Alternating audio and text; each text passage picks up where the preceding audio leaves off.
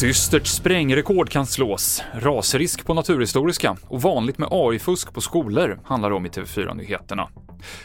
Det är oklart vad som exploderade utanför en villa i Trollhättans kommun i natt. Polisen säger att det inte finns någon hotbild mot de som bor i villan eller några kända gängkopplingar. Fönster krossades men ingen person har kommit till skada och ingen har heller blivit gripen. Och antalet sprängningar i Sverige ser ut att slå rekord i år. Den tidigare toppnoteringen från 2019 på 133 sprängningar är snart passerad, med 109 utförda hittills. Och användningen av dynamit och hemmagjorda bomber gör att Sverige sticker ut i Europa. Vi har eh, flest antal genomförda eh, sprängningar eller brott kopplat till den här typen av brottslighet eh, i ett europeiskt perspektiv.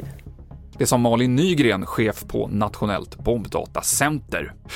Naturhistoriska riksmuseet i Stockholm stänger helt tills vidare på grund av att innertaket riskerar att rasa in. Även den tillhörande butiken och restaurangen stänger. Museet har akuta renoveringsbehov och ska nu undersökas av Fastighetsverket. Många använder AI för att fuska i skolan, visar en ny rapport från Ungdomsbarometern. Enligt dem kan fusket förklaras med att eleverna inte vet om att det finns AI-regler på skolan. Ulrik Hoffman är VD på Ungdomsbarometern. Det kommer vara svårt tror jag att anta någon sorts nationell eh, policy för hur man får använda AI och inte. För det kommer se väldigt olika ut på olika utbildningar vad man ens kan, eh, kan göra.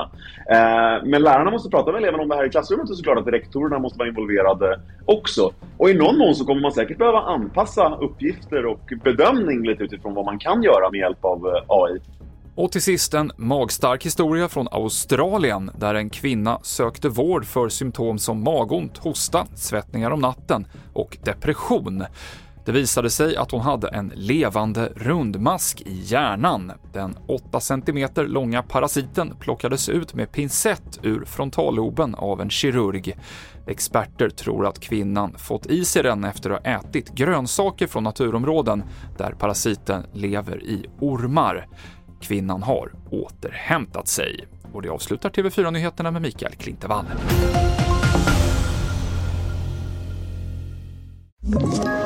Ett poddtips från Podplay. I podden Något Kaiko garanterar östgötarna Brutti och jag, Davva, dig en stor dos skratt.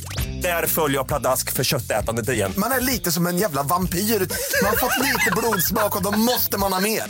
Udda spaningar, fängslande anekdoter och en och annan arg rant. Jag måste ha mitt kaffe på morgonen för annars är jag ingen trevlig människa. Då är du ingen trevlig människa, punkt. Något Kaiko, hör du på Podplay. Därför arkadeinerna.